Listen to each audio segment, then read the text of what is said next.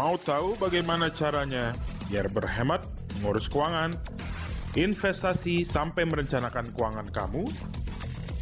Dengerin aja Financial Talk podcast setiap hari Selasa.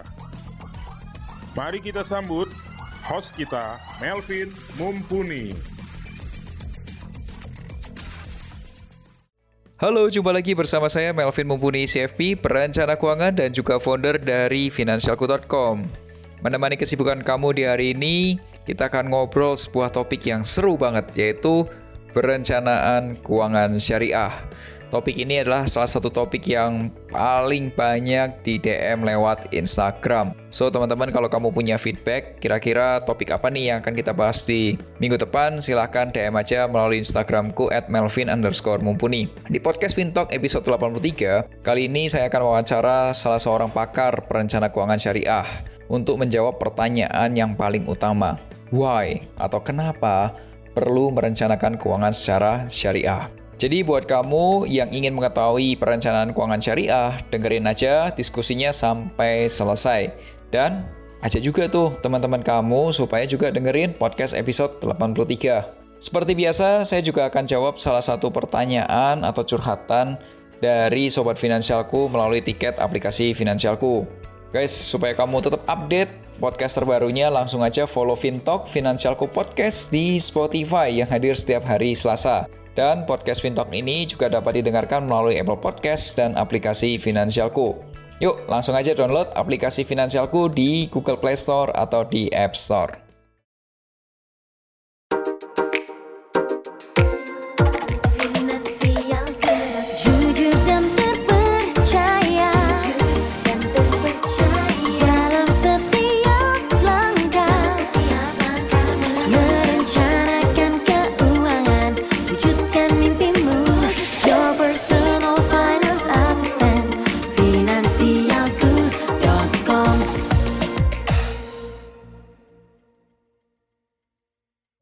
Sebelum bahas lebih detail, Sobat Finansialku dapat mengirimkan pertanyaan atau curhat keuangan melalui fitur konsultasi keuangan di aplikasi Finansialku. Dan jangan lupa kasih hashtag, hashtagnya adalah curhat keuangan. Salah satu curhatan kali ini adalah membahas, Halo Ko, Ko Melvin, saya PM dari Lampung. Saya adalah seorang pemilik usaha dan sudah berbisnis lebih dari 10 tahun.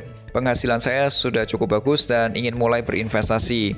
Tapi saya takut sebaiknya mulai dari mana dan Apakah saya perlu jasa perencana keuangan? Thank you ya, Ko. Yuk, langsung aja kita jawab pertanyaan kamu. Hashtagnya, let me share my view.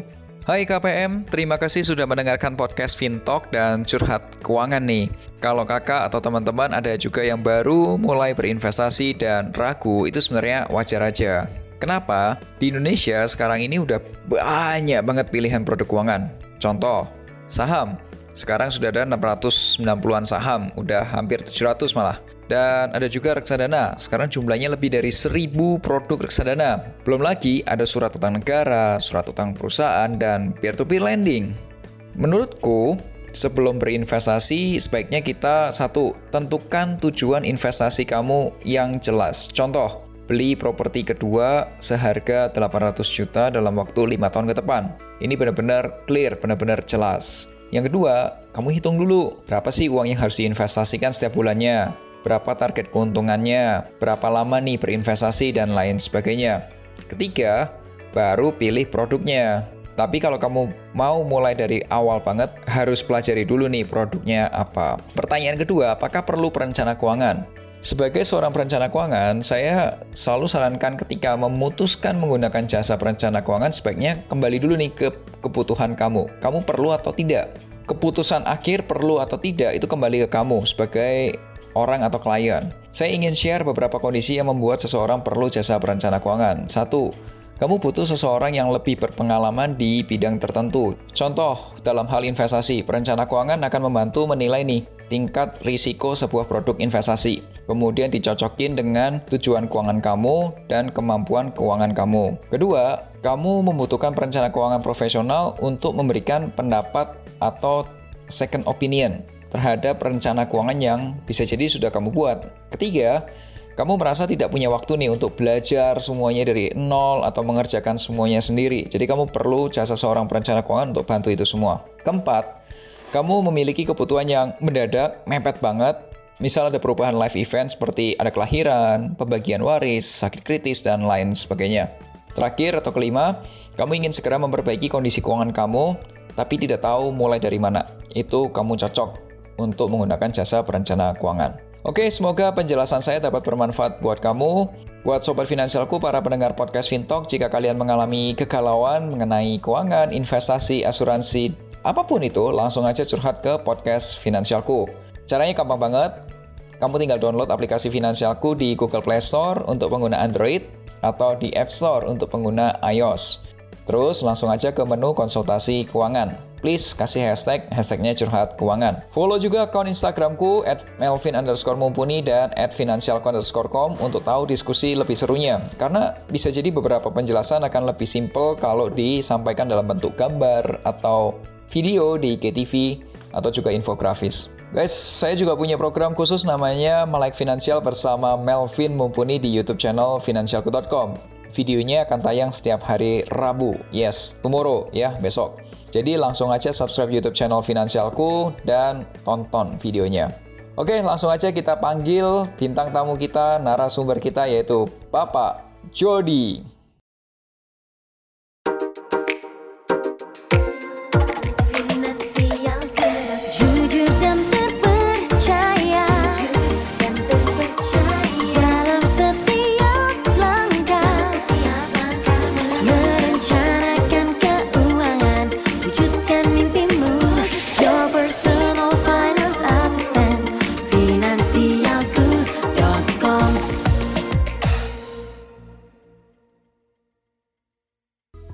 Teman-teman, jumpa lagi bersama saya Melvin Mumpuni CFP, perencana keuangan dan juga founder dari Finansialku.com. Kali ini saya temani oleh saya Hadika Jody, CFP, salah satu financial planner dari Finansialku. Pak Jody ini adalah salah satu teman saya dan financial planner di Finansialku. Pak Jody itu spesialisnya adalah perencanaan keuangan syariah. Karena aku sendiri nggak ngerti tentang perencanaan keuangan syariah, makanya di episode kali ini saya tanya spesial khusus bersama Pak Jody.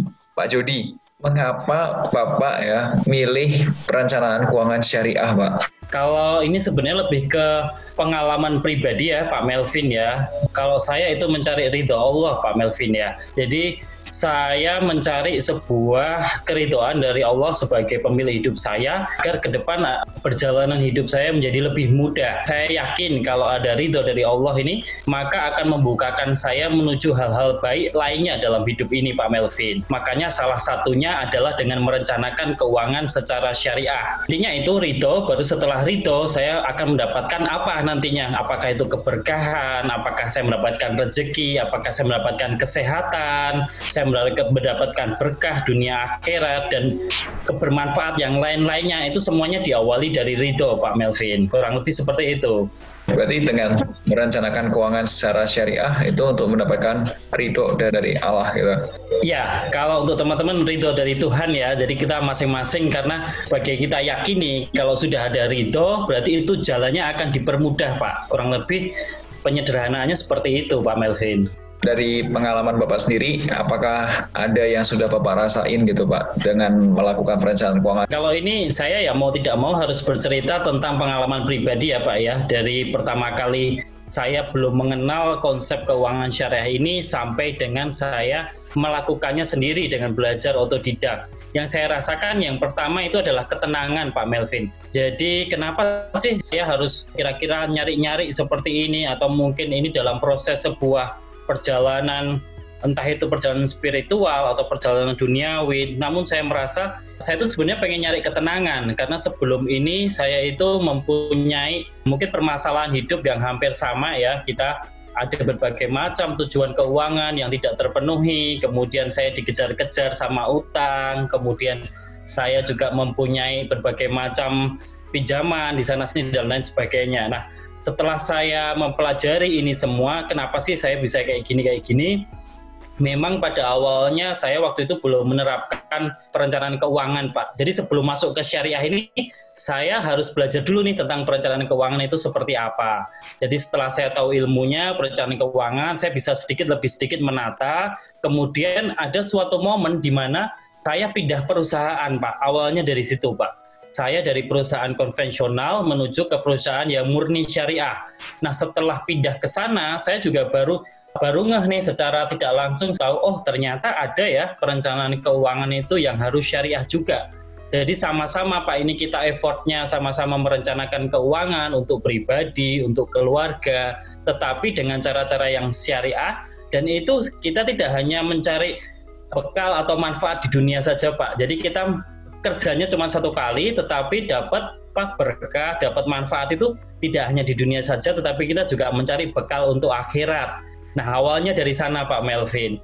Setelah dari sana kemudian saya kan pengen yang penting niat dulu nih saya niat pengen menggunakan yang syariah ini kemudian lama kelamaan saya merasa oh ini manfaatnya memang terasanya mungkin tidak tidak langsung di depan Pak tidak sekaligus, tidak langsung dapat, oh kita memakai barang, beli barang A, dapat pengembalian ini, enggak. Jadi teman-teman kalau di sini kita mau lihat manfaatnya, syariah itu seperti apa, keberkahannya terkadang bukan buat kita sendiri Pak Melvin. Jadi ini bisa buat orang lain, bisa buat teman-teman yang lain, bisa buat saudara-saudara kita yang lain. Dan mungkin itu akan kembali ke kita dalam hal ketenangan hidup. Seperti itu Pak. Jadi misalkan setelah saya menggunakan produk-produk syariah, saya sudah nggak pernah lagi nih berhubungan sama yang namanya cicilan atau mungkin pinjaman. Saya tidak gampang bergejolak ya Pak secara psikologis. Alhamdulillah keluarga juga sehat-sehat, kemudian jarang sakit. Saya merasa itu adalah salah satu efek dan akibat kalau misalkan kita mendapatkan keberkahan Pak dari sebuah proses perencanaan keuangan syariah, dari usaha saya untuk menggunakan produk-produk keuangan syariah dan lain sebagainya. Pak Judi, pertanyaannya adalah merencanakan keuangan secara syariah itu seperti apa sih? Realnya itu contohnya seperti apa sih dan konsepnya itu seperti apa gitu? Jadi sebenarnya secara teori Pak landasannya adalah proses ke perencanaan keuangan syariah ini tidak jauh berbeda Pak sebenarnya dengan proses perencanaan keuangan yang selama ini kita kenal. Karena sebagai CFP kan kita tahu prosesnya dari awal sampai akhir seperti apa hanya saja Pak perbedaannya di sini kalau kita menggunakan proses perencanaan keuangan syariah itu memang harus terintegrasi ya Pak ya dari awal sampai dengan akhir itu menggunakan kaidah-kaidah dan prinsip-prinsip yang sudah ada dalam syariah.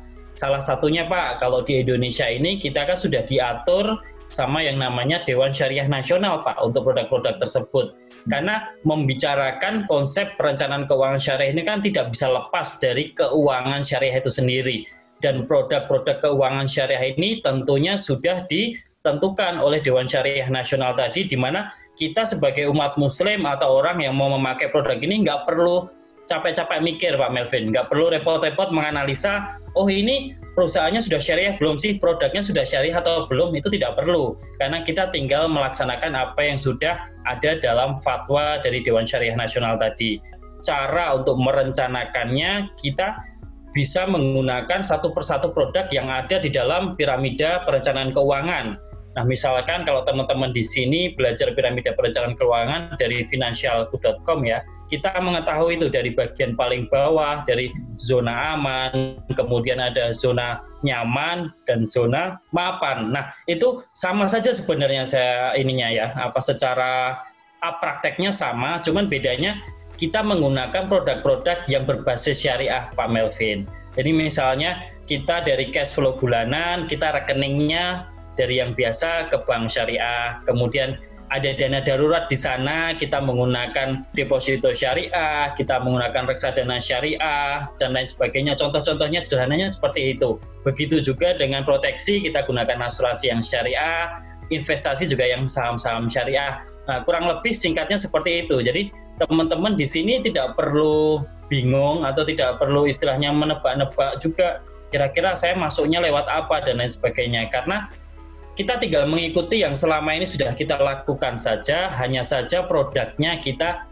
menggunakan yang produk-produk syariah sesuai dengan fatwa DSN MUI ternyata DSN MUI itu sudah memberikan atau sudah melakukan penelitian terhadap suatu produk sehingga produk itu tuh sudah bisa dikatakan syariah atau tidak syariah ya. Jadi kita nggak usah mikir terlalu jauh lagi gitu ya. Di sini tadi saya bilang juga di awal bahwa sebenarnya dalam Islam itu kan agamanya memudahkan ya Pak ya dan kita fleksibel sebenarnya seperti itu.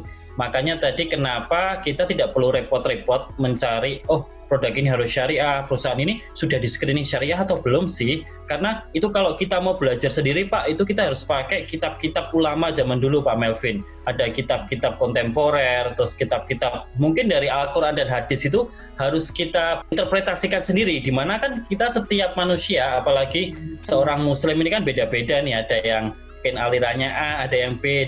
Mungkin saja ini interpretasinya akan berbeda Pak Melvin. Maka dari itu sebagai seorang warga negara yang baik juga, maka kita harus percaya apa yang sudah dirumuskan oleh para ulama-ulama di negara ini. Nah, salah satunya adalah Majelis Ulama Indonesia sudah membuat nih sebuah Dewan Syariah Nasional di mana ini adalah dewan yang mengurusi segala macam tentang ekonomi syariah yang ada di Indonesia, Pak. Dan di sana ada berbagai macam ulama dari berbagai macam golongan ya kalau di dalam umat Islam sendiri seperti dari Nahdlatul Ulama, Muhammadiyah, Persis dan lain sebagainya sehingga kita semuanya sudah terwakilkan sebenarnya di dalam MUI itu sendiri dan di sana mereka melakukan sebuah usaha yang namanya istilahnya musyawarah ya atau ijtihad ulama.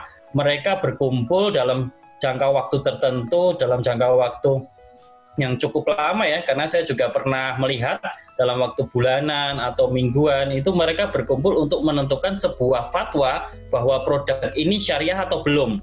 Paling gampang contohnya dulu waktu mereka merumuskan pasar modal syariah, Pak. Nah, itu tentunya juga memakan waktu lama. Kira-kira nih di dalam pasar modal syariah apa saja sih hal-hal yang harus dilakukan dan apa saja hal-hal yang harus dilarang. Contohnya seperti itu. Kalau kita berbicara tentang investasi syariah, ada nih contohnya Pak, beberapa hal yang tidak tidak boleh dilakukan sesuai dengan prinsip syariah seperti unsur ribawi, unsur goror atau ketidakpastian dan unsur maisir atau perjudian. Nah, hal-hal tersebut nanti akan saya kasih contohnya Pak di belakang Pak. Kira-kira kenapa sih hal ini tidak boleh dilakukan dan prakteknya apa dalam kondisi ekonomi kita sehari-hari? Kalau ditanya soal jodoh, aku punya kisah yang cukup miris dalam urusan cinta. Dua tahun yang lalu aku punya pasangan yang sangat aku cintai. Kita udah jalanin hubungan lebih dari satu tahun. Dia berasal dari keluarga terpandang. Dan selama jalanin hubungan, ya aku gak ngerasa kekurangan sedikit pun. Apalagi dari segi materi. Jadi aku yakin banget kalau dia adalah orang yang bisa jadi teman hidup aku sampai akhir. Tapi dia tiba-tiba pergi ninggalin aku 10 hari sebelum pernikahan kita. Tahu sih rasanya? Sakit. Dan kamu tahu alasannya? Alasannya adalah sebenarnya dia bohong. Ya sebenarnya selama ini keluarganya tuh lagi ditimpa masalah yang besar banget sampai perusahaan ayahnya bangkrut dan keluarganya ngalamin krisis ekonomi. Jadi dia diminta buat nyelamatin perusahaan ayahnya dan diminta buat nggak nikah dulu. Kenapa sih? Kenapa nggak ngomong dari awal? Kenapa? Kenapa nggak ngomong dari awal? Jadi kan kita bisa nunda. Tapi coba dia terbuka dari awal. Aku harus tanggung malu karena batal menikah setelah undangan udah terlanjur disebar. Tahu gak sih? Cinta itu bukan cuma sekedar materi bukan juga cuma sekedar perasaan tapi lebih dari itu. Termasuk keterbukaan. Keterbukaan secara finansial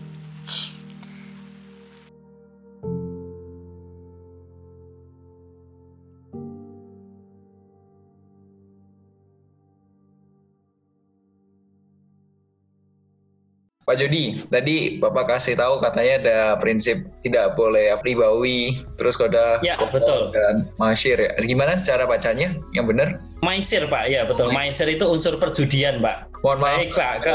Pelafalanku masih salah, sorry sorry. Tidak masalah Pak, senang sekali ya teman-teman juga bisa mengetahui nih prinsip-prinsip yang ada dalam kaidah syariah. Jadi tadi saya sampaikan di depan ada yang unsur transaksi ribawi, goror, dan maisir kalau ribawi sendiri itu dalam definisi katanya sebenarnya tambahan ya Pak ya. Jadi itu dilarang sekali dalam Islam karena biasanya identik dengan bunga Pak, dengan bunga yang ada di perbankan. Jadi misalkan kita sedang mencicil sesuatu atau meminjam sesuatu, kemudian oleh si peminjamnya tadi kita diberikan sebuah tambahan. Nah ini dalam konsep Islam sendiri sebenarnya tidak diperbolehkan Pak. Walaupun sebenarnya kita ini sangat lazim sekali menjumpai ini di dalam kehidupan kita sehari-hari. Namun dalam prakteknya sebenarnya di dalam perbankan syariah hal ini sudah diminimalisir dan dihilangkan ya teman-teman semuanya ya. Makanya kalau dalam eh, teman-teman kalau misalkan apply sebuah produk-produk di bank-bank syariah, maka riba ini sudah berusaha dihilangkan. Hal ini diganti dengan yang namanya akad, dinama makanya dinamakan dengan akadnya bagi hasil untuk menggantikan riba ini. Perbedaannya apa? Kalau secara gampangannya begini Pak, kalau di dalam Islam sendiri menggunakan sistem akad ini karena kalau kita ada akad, ada kesepakatan di depan, nah, contohnya tadi riba diganti dengan bagi hasil, maka ini menjadi halal. Anggapannya seperti itu. Halalnya di mana? Karena semuanya sudah disepakati di depan dan peminjam serta pihak yang dipinjam itu sudah sama-sama memberikan porsi. Misalkan berapa persen saya ngambil bagi hasil ya. Terus untuk peminjamnya saya bebani sekian ya. Kenapa sih saya harus dibebani? Karena ada sebuah dana yang saya kelola. Ini sebagai upah juga untuk perusahaan atau untuk si pengelola tadi karena sudah membantu nih untuk mengelola dana yang akan dipinjamkan atau membantu meminjami kurang lebih seperti itu. Jadi wajar saja kalau kita harus memberikan bagi hasil buat mereka kan namanya juga kita kerja seperti itu Pak kalau misalkan akad ini di depan udah oke, okay, ini ke, ke belakangnya enak. Harus ada transparansi di depan, harus ada keterbukaan, termasuk semua biaya-biaya itu harus dijelaskan di depan. Sehingga calon nasabah atau peminjam ini merasa tidak keberatan. Nah kalau mereka rasanya keberatan, oh ternyata masih ada juga ya biaya-biaya semacam ini, ya boleh saja nggak setuju Pak Melvin, boleh saja nggak jadi memakai, itu nggak masalah. Tetapi yang jelas secara prinsip islami, secara prinsip non riba kita harus semua sampaikan dan clear di depan. Itu salah satu contohnya. Kemudian kalau untuk transaksi goror, goror ini ketidakjelasan Pak. Ketidakjelasan seperti sebenarnya secara sederhana konsepnya adalah kalau misalkan kita membeli sebuah barang di mana kita nggak tahu nih jumlahnya ada berapa, kemudian kuantitasnya berapa. Contoh paling gampangnya apabila kita membeli sebuah barang dalam satu truk penjual ini nggak ngasih tahu nih, ini di dalamnya ada barang apa saja nih. Nah itu adalah unsur-unsur yang tidak jelas. Antara wujudnya ada berapa, kemudian barangnya ini benar-benar barang bagus semua atau ada yang cacat. Nah ini dalam prinsip Islam tidak diperbolehkan Pak. Jadi memang ya agak challenging ya teman-teman semuanya ya, agak menantang ya karena kadang-kadang kita sebagai pihak penjual atau pembeli kadang-kadang juga masih ada yang kesannya mungkin belum disampaikan semuanya. Nah ini menjadi PR untuk kita semua agar lebih bisa dibuka di depan. Nah kemudian yang terakhir adalah tadi yang saya bilang maiser atau unsur perjudian Pak. Kalau di sini bisa dibilang unsur perjudian itu kayak kita kalau secara investasi misalkan kita ingin menaruh dana yang benar-benar kita nggak tahu pak ini itu diapain diputerin di mana. Itu kita nggak tahu. Jadi secara zat atau secara kinerja itu kita nggak tahu. Itu mohon maaf itu tidak boleh kalau di dalam Islam. Contohnya adalah biasanya di luar sana itu ada investasi-investasi yang kadang-kadang barangnya realnya itu nggak ada. Tetapi nanti udah dijanjiin kira-kira kamu dapat pengembalian return segini loh setiap berapa bulan. Nah, kurang lebih seperti itu. Nah, itu takutnya nanti ujung-ujungnya adalah investasi bodong karena tidak jelas dan ada unsur gorot dan ada unsur perjudiannya. Nah, takutnya biasanya kalau di luar sana kita melihat ada yang namanya skema Ponzi, kurang hmm. lebih seperti itu. Di sana kan kadang-kadang uangnya diputerin lagi ke mana kita nggak tahu bisa jadi itu ke saham-saham juga atau memang dibeliin barang atau apa kemudian dijual lagi tetapi tidak transparan kepada calon nasabahnya yang ditentukan di awal cuman kamu nanti akan dapat return 15% atau 20% setelah sekian bulan nanti setiap bulan segitu makanya banyak orang yang tertarik banyak orang yang pengen menyemplungkan dananya di sana menaruh uangnya di sana dengan jumlah yang sangat besar dan banyak dari kita yang kadang-kadang nggak nggak tahu itu dipakainya untuk apa sehingga ini juga dilarang dalam Islam. Penjelasannya seperti itu Pak antara riba, goror dan maisir dan ini tentunya nanti prakteknya akan ada lebih banyak lagi kalau kita membahas produk-produk keuangan syariah. Dan teman-teman, aku barusan ketika dengar penjelasan dari Pak Jody, aku merasa kalau itu produknya syariah itu saya sebagai investor atau saya sebagai pengguna kayak mendapatkan kejelasan di depan. Ujungnya ini ada biaya A atau tidak biaya B, apa yang kita dapat, apa yang akan dikelola ke mana dan lain sebagainya. Itu pada dasarnya bagus ya. Jadi benar-benar ada ada keterbukaan, terus tidak ada gambling di situ karena benar-benar udah dijelasin di depan gitu. So menurutku itu juga sesuatu yang menarik sebenarnya ini untuk kita bahas lebih lanjut lagi nih Pak. Buat saya, rezeki adalah amanah. Setiap rezeki yang saya dapatkan harus saya gunakan sebaik mungkin dan untuk tujuan yang baik. Terkadang kenikmatan terasa sulit untuk diabaikan. Tapi ada tujuan lain yang lebih besar dan penting untuk hidupku. Hargai kerja kerasmu. Jangan sampai rezekimu lari ke tempat yang salah.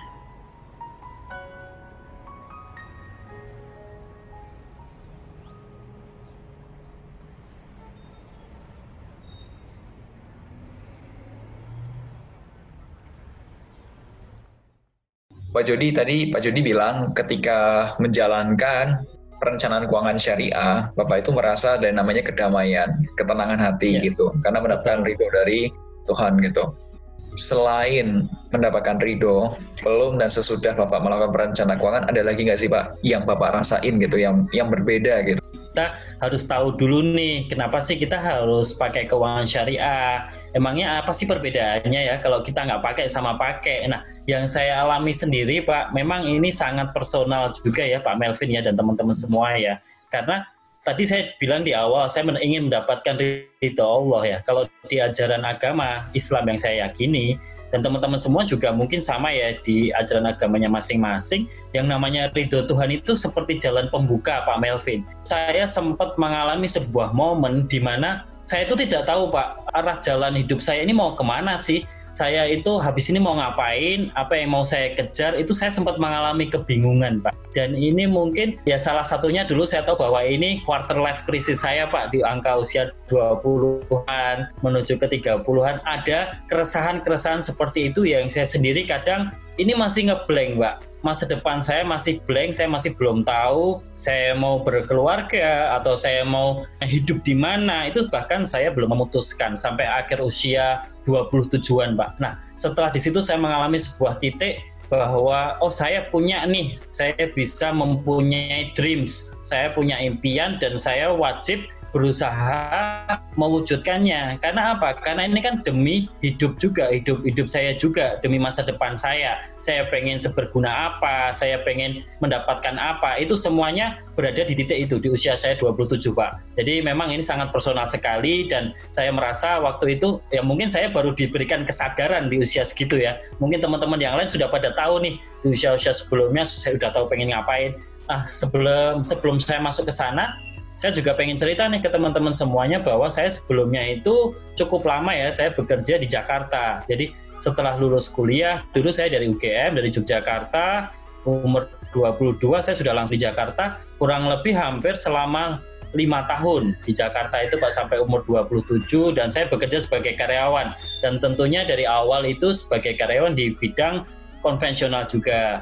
Ajaibnya di sini Pak, setelah saya mau memutuskan mempunyai impian seperti itu kemudian uh, itu seperti dibukain pak. Seperti dibukain jalannya saya nggak tahu ini lewat mana ada teman yang calling ya Jo lu mau nggak pindah ke perusahaan ini pada awalnya saya nggak tahu ini perusahaan apa karena ternyata ini perusahaan syariah dan memang secara apa namanya secara waktu itu secara kerjaan nggak nggak terkenal bahkan ya karena jarang sekali muncul di media. Namun yang membuat saya tertarik pada waktu itu Pak Melvin karena pada waktu itu si perusahaan syariah ini menawarkan posisi yang ada di Yogyakarta. Wah ini saya merasa loh ini seperti doa saya dikabulkan sama Tuhan sekaligus dong saya diberikan jalan untuk hijrah menuju tempat yang sebelumnya ini menjadi sebuah kampung halaman saya ya di Yogyakarta ya. Saya bisa kembali ke kampung halaman, kemudian yang saya tulis dalam doa-doa itu, biasanya saya berdoa itu saya tulis Pak. Jadi sangat terinci ya, sangat sangat detail sekali apa yang saya pengini. Saya berdoa pengen pindah ke kampung halaman, saya pengen bermanfaat bagi orang banyak, syukur-syukur saya bisa kembali ke jalan yang benar, ke jalan yang lurus ya seperti itu. Nah, akhirnya itu semua dikabulkan oleh Allah Tuhan saya uh, salah satunya melalui itu. Saya pindah ke perusahaan yang syariah, kemudian saya belajar dari awal dari konsep dari konvensional ke syariah, kemudian saya pindah hidup benar-benar pindah secara lahiriah nih, pindah dari Jakarta ke Yogyakarta Kemudian saya juga secara pekerjaan job desk-nya juga berubah Pak dari yang sebelumnya di belakang layar, di belakang komputer, kemudian harus tampil di depan, harus menjadi seorang trainer, harus menjadi seorang penyuluh yang langsung berhadapan dengan masyarakat. Saya melihat sebagai jalan hidup yang oh ini memang tujuan semula saya nih yang saya pengen nih selama ini karena saya pengen menyampaikan ilmu walaupun itu hanya satu ilmu Pak satu harinya. Ini sesuai dengan sabda Rasulullah Pak kalau di, di dalam ajaran saya Nabi Muhammad itu menganjurkan satu hari sampaikanlah satu ayat dan sebaik-baiknya manusia adalah manusia yang bermanfaat bagi orang lain. Maka saya pengen menjadi sebuah uh, berkah tidak hanya buat saya sendiri, buat keluarga, tetapi juga kalau bisa buat masyarakat di luar sana. Nah, kalau konteksnya saya masukkan ke dalam perencanaan keuangan syariah, saya pengen menjadi seseorang yang mengajak dan membantu teman-teman di luar sana agar mungkin minimalnya bisa tidak saya tidak membicarakan sejauh hijrah ya Pak ya, tetapi membicarakan bagaimana mereka bisa menemukan solusi-solusi dalam kehidupannya yang berkaitan dengan masalah finansial atau keuangan. Harapan saya awalnya seperti itu. Kalau toh mereka syukur-syukur mau menggunakan produk-produk syariah yaitu bonus saja Pak. Dan ini saya anggap sebagai salah satu ikhtiar saya untuk mencari tambahan untuk mencari bekal saya di akhirat kelak. Karena dalam ajaran agama saya lagi-lagi ditekankan juga Pak bahwa membagikan ilmu kalau ini bermanfaat dan dipraktekkan oleh orang lain ini menjadi amal jariah saya yaitu amal yang tidak akan terputus Pak apabila kita lakukan terus-menerus walaupun saya nanti sudah meninggal amal ini akan terus berjalan Pak selama ilmu saya dipraktekkan sampai dengan hari penghitungan nanti. Jadi menarik sekali kalau kita berbicara tentang konsep ini Pak. Apa yang dirasakan oleh Pak Jody sebelum dan sesudah finally ya itulah aslinya. Beliau sudah menjalankan dari yang yeah, yeah, betul. sekarang udah menjalankan dan sekarang pengen sharing ke banyak orang supaya paling nggak tahu dulu lah ya kalau misal pun melakukan itu bonus gitu tapi paling nggak tahu dulu yeah. lah Oke, saya tambahkan ya Pak Melvin ya dan teman-teman semuanya ya. Ini satu lagi contoh yang benar-benar dari pengalaman pribadi saya. Jadi waktu dulu saya pernah berada di Jakarta, kemudian saya menuliskan sebuah impian itu, tujuan-tujuan hidup saya selanjutnya. Saya salah satunya menuliskan tujuan yang sangat personal sekali, yaitu pengen berkeluarga, Pak. Jadi oh. waktu itu saya berada pada posisi yang saya tuh nggak tahu nih mau hidup sama siapa, kemudian Eh, ada mau ke mana lagi. Nah, setelah saya niatkan seperti itu, saya selama selama itu menjalankan proses ini dengan saya yakin niatnya saya lurus, saya benar. Akhirnya saya pindah juga ke Yogyakarta dan saya kebetulan eh, bukan kebetulan juga ya, saya akhirnya bertemu dengan calon istri saya itu di di Yogyakarta, Pak.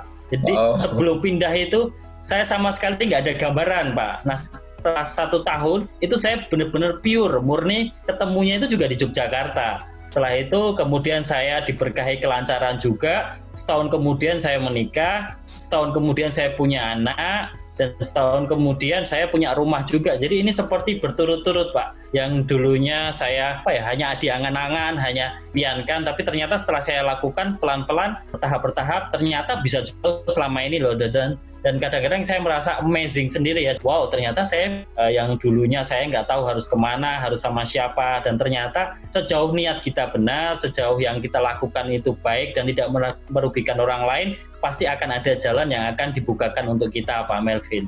Wow, wow. itu ya yang namanya ridho dari Tuhan ya. Dibukain jalan satu-satu ya. Bisa jadi Pak. Bisa jadi seperti itu ya. Atas nama cinta. Cinta itu nggak egois. Meski sepertiga pendapatan udah habis untuk biayai orang tua, cinta tetap mampu memaksa mengambil setengah pendapatan untuk tabungan pernikahan kita. Katanya, ini demi masa depan kita, sayang. Atas nama cinta, cinta itu saling melengkapi. Meski keuangan pas-pasan, cinta tetap mampu berusaha untuk punya cicilan KPR. Katanya, Ini demi masa depan cinta kita, sayang. Bikin joint account untuk bikin tabungan pernikahan. Ketika nggak punya sisa pendapatan, habis sama cicilan KPR. Malu. Akhirnya ambil pinjaman. Dua bulan kemudian, gak bisa bayar utang. Rumah digadai atas nama cinta. Pak Jody, seandainya ada pendengar kita yang mau merencanakan keuangan syariah, tapi belum tahu nih mulai dari mana. Apa nih kira-kira saran dari Pak Jody? Ini semua pasti butuh ilmu ya Pak ya untuk proses perencanaan keuangan syariah ini. Karena sekali lagi untuk Indonesia sendiri memang Pak tingkat literasi keuangan syariah kita juga masih rendah Pak dibandingkan dengan tingkat literasi keuangan konvensional. Dari survei keuangan yang dilakukan oleh OJK Pak, dari survei tingkat literasi keuangan syariah dari OJK tahun 2019 itu juga diketahui tingkat literasi keuangan syariah di negara kita baru berkisar di angka 9% Pak Melvin. Jadi memang mungkin di luar sana juga teman-teman mengalami kesulitan ya untuk mengakses atau kemudian untuk belajar. Nah, di sini saya bisa menyarankan Pak Melvin karena saat ini kan zamannya dari entah itu dari YouTube, dari Instagram, dari web-web yang ada di dalam Google dan lain sebagainya. Namun kalau boleh menyarankan nih, saya dulu pernah membaca sebuah buku bagus Pak itu berjudul Sakinah Finance. Sakinah Finance ditulis oleh Dr. Muhammad Syafi Antonio. Ini bukunya sangat ringan sekali dan menjelaskan tentang kira-kira konsep keuangan syariah itu seperti apa sih di dalamnya, kemudian serba-serbinya, kemudian apa ya sih yang harus kita lakukan, apa bila kita pengen makan perencanaan keuangan syariah itu saya juga sedikit belajar dari sana ya. Kemudian saya juga belajar yang lainnya itu tetap dari internet, dari Instagram, dari Google, dari YouTube dan lain sebagainya.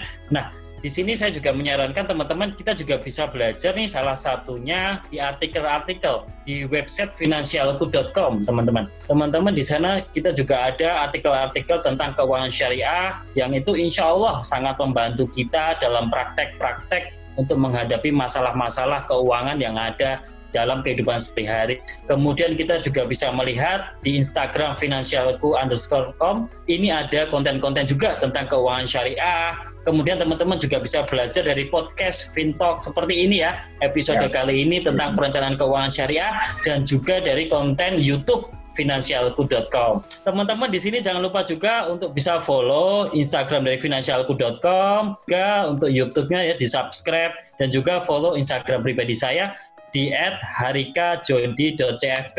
Di sana saya juga banyak mengulas tentang keuangan syariah, kemudian tentang hal-hal yang berbau-berbau syariah lainnya dan lain sebagainya. Teman-teman nih yang lebih suka belajar dengan mendengar daripada membaca, sekarang ini saya juga sedang membuat audio rekaman tentang keuangan syariah loh. Semoga sih dalam waktu dekat ini bisa didengarkan di dalam aplikasi finansialku.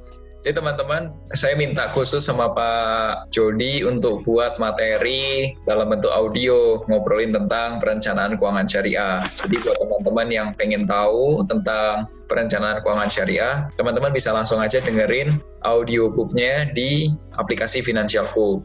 Kalau kamu belum download, kamu bisa download nih di Google Play Store atau di App Store. Pak Jody, nggak kerasa nih kita sudah di akhir podcast.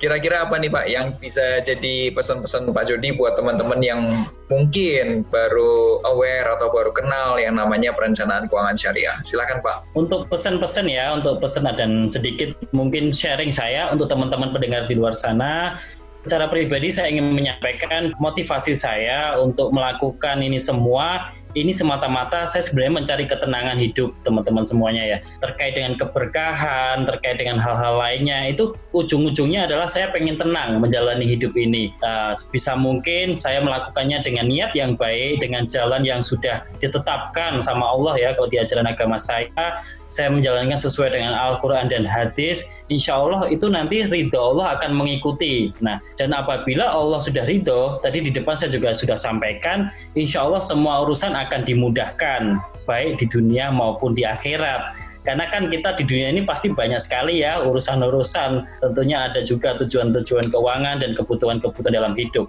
Itu semua bisa kita lakukan dengan tenang, dengan agak relax, dengan smile lah ya kalau bahasa Jawanya itu tenang karena kita tahu bahwa kita taat dalam proses ikhtiar untuk mencari ketakwaan. Kenapa sih harus ikhtiar terus? Karena hidup ini tidak lebih dari kita berusaha, teman-teman. E, kalau saya ini nggak bisa capai tujuan ini terus berhenti, nggak bisa. Saya sepanjang hidup sampai tua nanti, sampai meninggal, saya terus berusaha. Ada beberapa hal yang harus diusahakan terus-menerus dan ini tidak bisa berhenti. Termasuk juga belajar. Belajar, berkembang. Ini kan kita lakukan setiap saat sampai kita meninggal nanti ya Hmm. Makanya ini sebagai salah satu ikhtiar kita, salah satu ibadah juga ya. Orang yang bekerja di jalan Allah itu adalah juang. Orang itu berjuang dan untuk menafkahi bekerja saja, untuk memenuhi kebutuhan pribadi, untuk memenuhi kebutuhan keluarga, ini kita juga men menjadi sebuah ibadah loh dan ternyata sama Tuhan ini dianggap sebagai jihad, sebagai oh nggak harus ikut berperang, nggak harus ikut ke mana-mana seperti itu menegakkan ajaran Allah yang lainnya itu juga harus. Tapi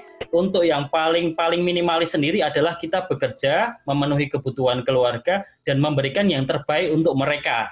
Nah makanya salah satunya tadi adalah melalui konsep perencanaan keuangan syariah. Kurang lebih seperti itu.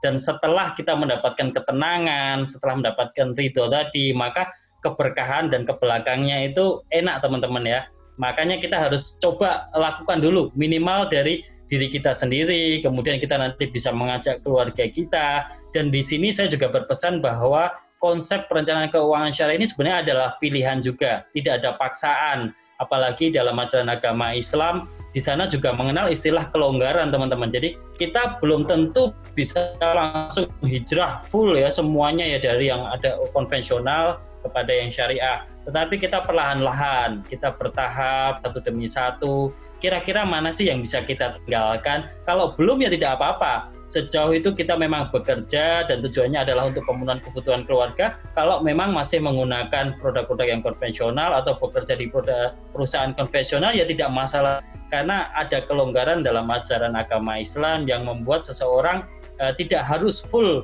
langsung berubah seperti ini. Terus kita langsung resign tahu-tahu nih berdagang dan lain sebagainya itu juga tidak harus seperti itu. Makanya pelan-pelan saja bertahap sejauh dengan ilmu yang kita dapatkan. Kalau kita tahunya baru sedikit ya kita lakukan sedikit. Yang paling tidak bagus adalah mungkin kita tahu semua ilmunya tapi nggak gerak-gerak nggak jalan-jalan itu jangan juga ya. Atau misalkan proses-proses seperti itu harus kita lakukan sedikit-sedikit sedikit demi sedikit agar menjadi sebuah perilaku baru. Hijrah itu tidak hanya dari produknya saja tetapi juga dari perilaku, dari kebiasaan-kebiasaan sehari-hari kurang lebih seperti itu teman-teman. Jadi tetap semangat dan tetap mari terus belajar ya teman-teman ya niatkan semuanya untuk mencari ridho Allah. Teman-teman luar biasa banget di podcast kali ini aku pun juga banyak belajar, banyak informasi baru dan Wah, bagus banget sih. Semoga aku berkesempatan lagi interview ngobrol-ngobrol tentang keuangan syariah yang lebih detail lagi. Dan teman-teman, sampai jumpa di episode berikutnya. Akhir kata, make a plan and get your financial dreams come true.